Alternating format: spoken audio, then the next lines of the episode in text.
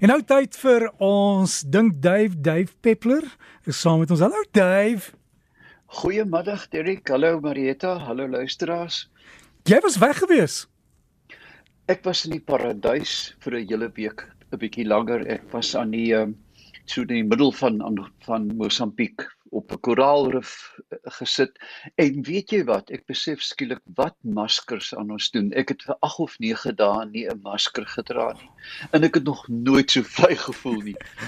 Eh, ja. hierdie virus het ons lewens verander nê ja heeltemal Dave en Dave ek het ook gelag want jy het uh, toe jy terugkom met die vlug het jy op jou Facebook 'n foto geplaas van die pakkie chips wat hulle vir jou gegee het met met al die bestanddele mense is geskok nê weet jy ek het gesit uit jy weet wat doen jy nou op 'n vlug van Maputo af? Jy gaan nou sekerlik nie Shakespeare lees nie.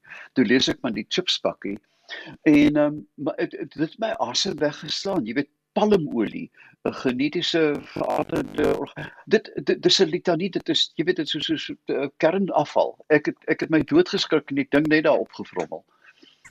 Het jy daarmee die chips geëet? Ek kyk as daar ooit 'n junk food junkie was, dis dit ek. As niemand kyk nie, eet ek verbeter. Maar welkom, welkom terug Dave. Ek het 'n paar SMS'e gehad. Willie van Boshoek sê hy het een van die fonteintjies met 'n klein uh spuitdingetjie in. Hy sê in die winter is dit asof die die die die, boog wat hy maak kleiner is as in die somer. Kan dit 'n klimaat ding wees? Nee, dis dit, dit kan beslis nie ek dit is die fisika van water. Jy weet ek weet nou bitter min daarvan, maar 'n mens kan dink, sê nou maar jy vat kom ons begin by stoom aan die een kant en ys aan die ander kant. Kan jy dink hoe maklik stoom deur 'n pyp gaan loop in 'n moeilike ys? En dit lê op daai spektrum, is ek seker. Dat jy weet as dit na in baie koud word, gaan die water letterlik stadiger spuit. Maar ek dink nie dit gaan in die normale spektrum sê nou maar van 10 tot 30 grade wees nie onder dit en bo dit gaan die water heel moontlik vinniger of stadiger vloei. Ek sal 'n bietjie met nalees daaroor. En dan het ek ook 'n vraag gehad oor van die voëls wat deesdae in Johannesburg gesien word en ons het dit nooit voorheen gesien nie, miskien een wat ontsnap het. Indiese ringnekke en dan die parakiete, die lovebirds. Maar die lovebirds kom ons hier uit Afrika uit, né? Uh, kyk daar is natuurlik seker 30 of 40 spesies. Ek vermoed dit is seker die Afrikaanse, maar die Indiese een het stede reg oor die wêreld ingeneem. Hulle staan bekend as sogenaamde kommensiele spesies. Hulle kom saam met die mens.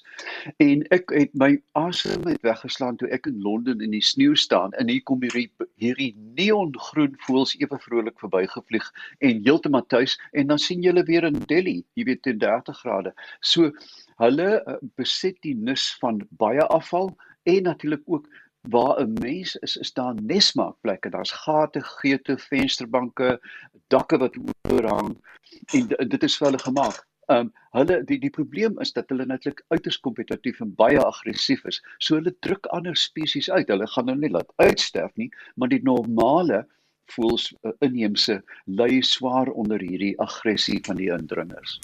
En dan die lovebirds, die parakiete, want hulle is Afrika spesifiek, weet Tansanië van ons buurlande het, maar hulle is nou al in die stede hier in Johannesburg en omgewing. Ja.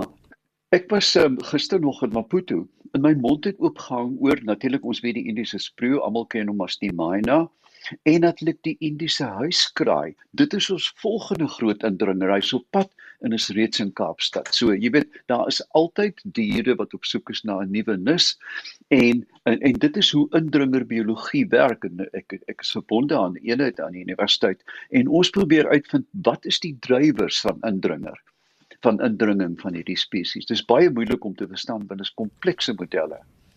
Dan ook 'n SMS van iemand gehad wat sê hulle het gebrand met water. Hoekom maak 'n mens so vel blaasies dan as jy gebrand het en moet jy die blaasies oopmaak? Kyk, blaasies jy jy kan netlik van jou drafskoene dit kry van wrywing. Ehm um, jy kan 'n blaasie kry van te hard knyp, maar natuurlik dan met water. Dit is 'n reaksie van die weefsel, die vel, die dermis, die vel en daai helder vloeistof is natuurlik plasma, dis bloedplasma. Nou indien die blaas groot genoeg is is daar druk in die blaas en dan kan dit baie pynlik word. Indien dit 'n klein blaasie is wat nie seer is nie, los die ding. As hy groot is, dan moet jy in die ou dae wie ek my doodgegil, my ouma het so het 'n naald deur 'n kers getrek, jy verstaan? Dan in 'n kurkprop gedruk en dan in jou voet. Um dan kan jy die druk verlig deur die naald, jy moet versigtig mik deur die deur die blaasie te uh, te steek en dit dan met 'n met watte te druk dat die plasma uitloop.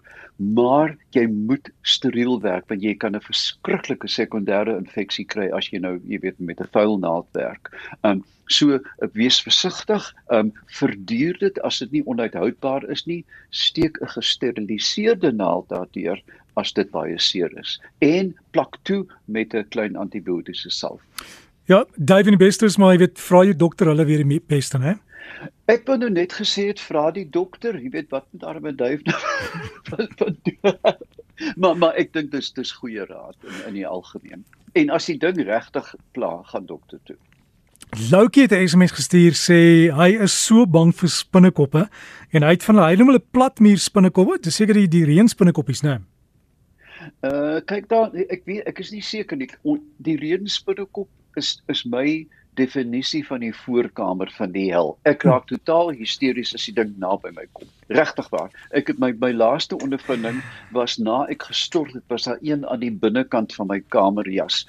Uh die polisie het gekom, ek het so aangegaan.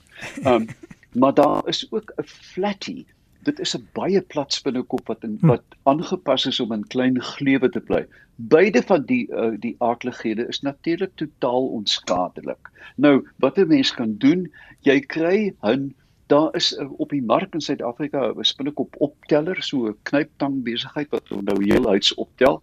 Ek in desperasie het die ding aan in 'n stofsuier ingesig. Jy weet, ek wil ek wil my telefoon so 'n uh, 'n uh, luitoon maak, boek, soos hy ingaan, maar ek gaan nie baie gewild wees nie. Ek weet hulle is uh, skadeloos, maar dit is baie grillig. So in die in die aand veral hou jou venster aan die tuinkant toe want hulle sal inklim. En dan as jy die goed spring ook, jy weet, en dit maak my hysteries. Maar ek dink as jy 'n uh, uh, uh, uh, dapper is, probeer om in 'n in 'n kadoesaak of in 'n in 'n houer invee met 'n met 'n besemskoppie en gooi maar weer uit. Uh, ek weet dit, dit is regtig moeilik. Ek ek doen dit moeilik.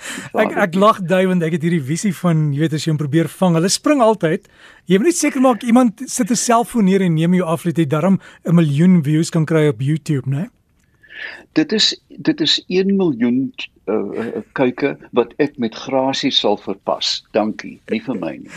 ja, maar maar ernstig Dave, hierdie hierdie spinnekop hulle kom veral in die aand en as daar lig is, hulle kom sit langs die lig en wag vir insekte. Natuurlik. Hmm. Uh, mense weet hulle hulle het baie interessante gedrag. Die wyfie byvoorbeeld spin mos so 'n blaarkoek. Jy weet hulle pak blare aan mekaar en dan in die aand sit sy boosaardig en beskerm die die die nes. So hulle jy weet hulle is hulle is natuurlik onontbeerlik. Mens kan nie alles binnekop. Jy moet binnekoppe eintlik nie doodmaak nie, want hulle het 'n hulle het 'n kardinale rol in die natuur. Hulle vreet um, baie uh, pes uh, insekte en hulle is natuurlik ook kos vir wespe daai ons het in Suid-Afrika ongelooflike spinnekop wespe. En ek het al gesien dat die wesp dan die spinnekop verlam sy maak hom nie dood nie sleep hom dan huitjie en muitjie partykeer 10 15 meter ver prop hom in 'n gat in die grond en lê 'n eier. Dan is dit soort van uh, meals on wheels op jy weet spinnekop on wheels en die larwe ontwikkel dan in die lewende uh, organisme. En dit bly vars in die ek gril my dood maar hulle ons moet probeer om hulle nie dood te maak. Wel Dave jy staan seker amper in slaap daar op die voet ek dink jy's jy's so moeg. Maar sterkte jy kan nou maar geslaap ek gaan vir jou groet en net vanaand het jy toe jy kom land jy weet as jy land met daai vliegtye hoe hoe stuur die die loods om né? Uh, sê vir my want ek het die hele ding dopgehou. Ehm um, as jy ja, ooit in 'n nabootser was, jy weet as hulle kom land met daai groot goed, ja. hulle hande is so besig met die stuurstang en alles dat hulle gebruik hulle voete om daai klein wielietjie reguit te hou, né? O ja, O ja, natuurlik. Kyk, eh, dis 'n baie interessante proses wat eendag geopereer die sogenaamde ground effect. Jy weet jy kom land en skielik is of die vliegtuig 'n buffer tref en dan val hy deur die die luglaag. Um gisterand se vlug was besonder. Daar was 4 mense aan boord die vliegtuig. 4. Ons het soos 'n vegter opgestyg en geland. Ons was 28 minute vroeg. ja, ja, Dave, so jy's 'n gelowige man vandag. Uh, uh, uh diep. Net tot vanaand. Daai was van die beste waar kan mense inligting kry van ja, jou? Uh, kyk kyk 'n bietjie op my Facebook. Ek het volledig verslag gelewer oor my toer na uh, Mosambiek en dan het ek ook 'n persoonlike webblad, duifpeppler.com. Dave, alles van die beste en voorspoed en vrede vir jou en welkom terug hier in Suid-Afrika. So gaan soek daar op Facebook vir Dave Peppler of davepeppler.com en dan kan jy sien waar hy was en wat hy doen. Tot volgende week.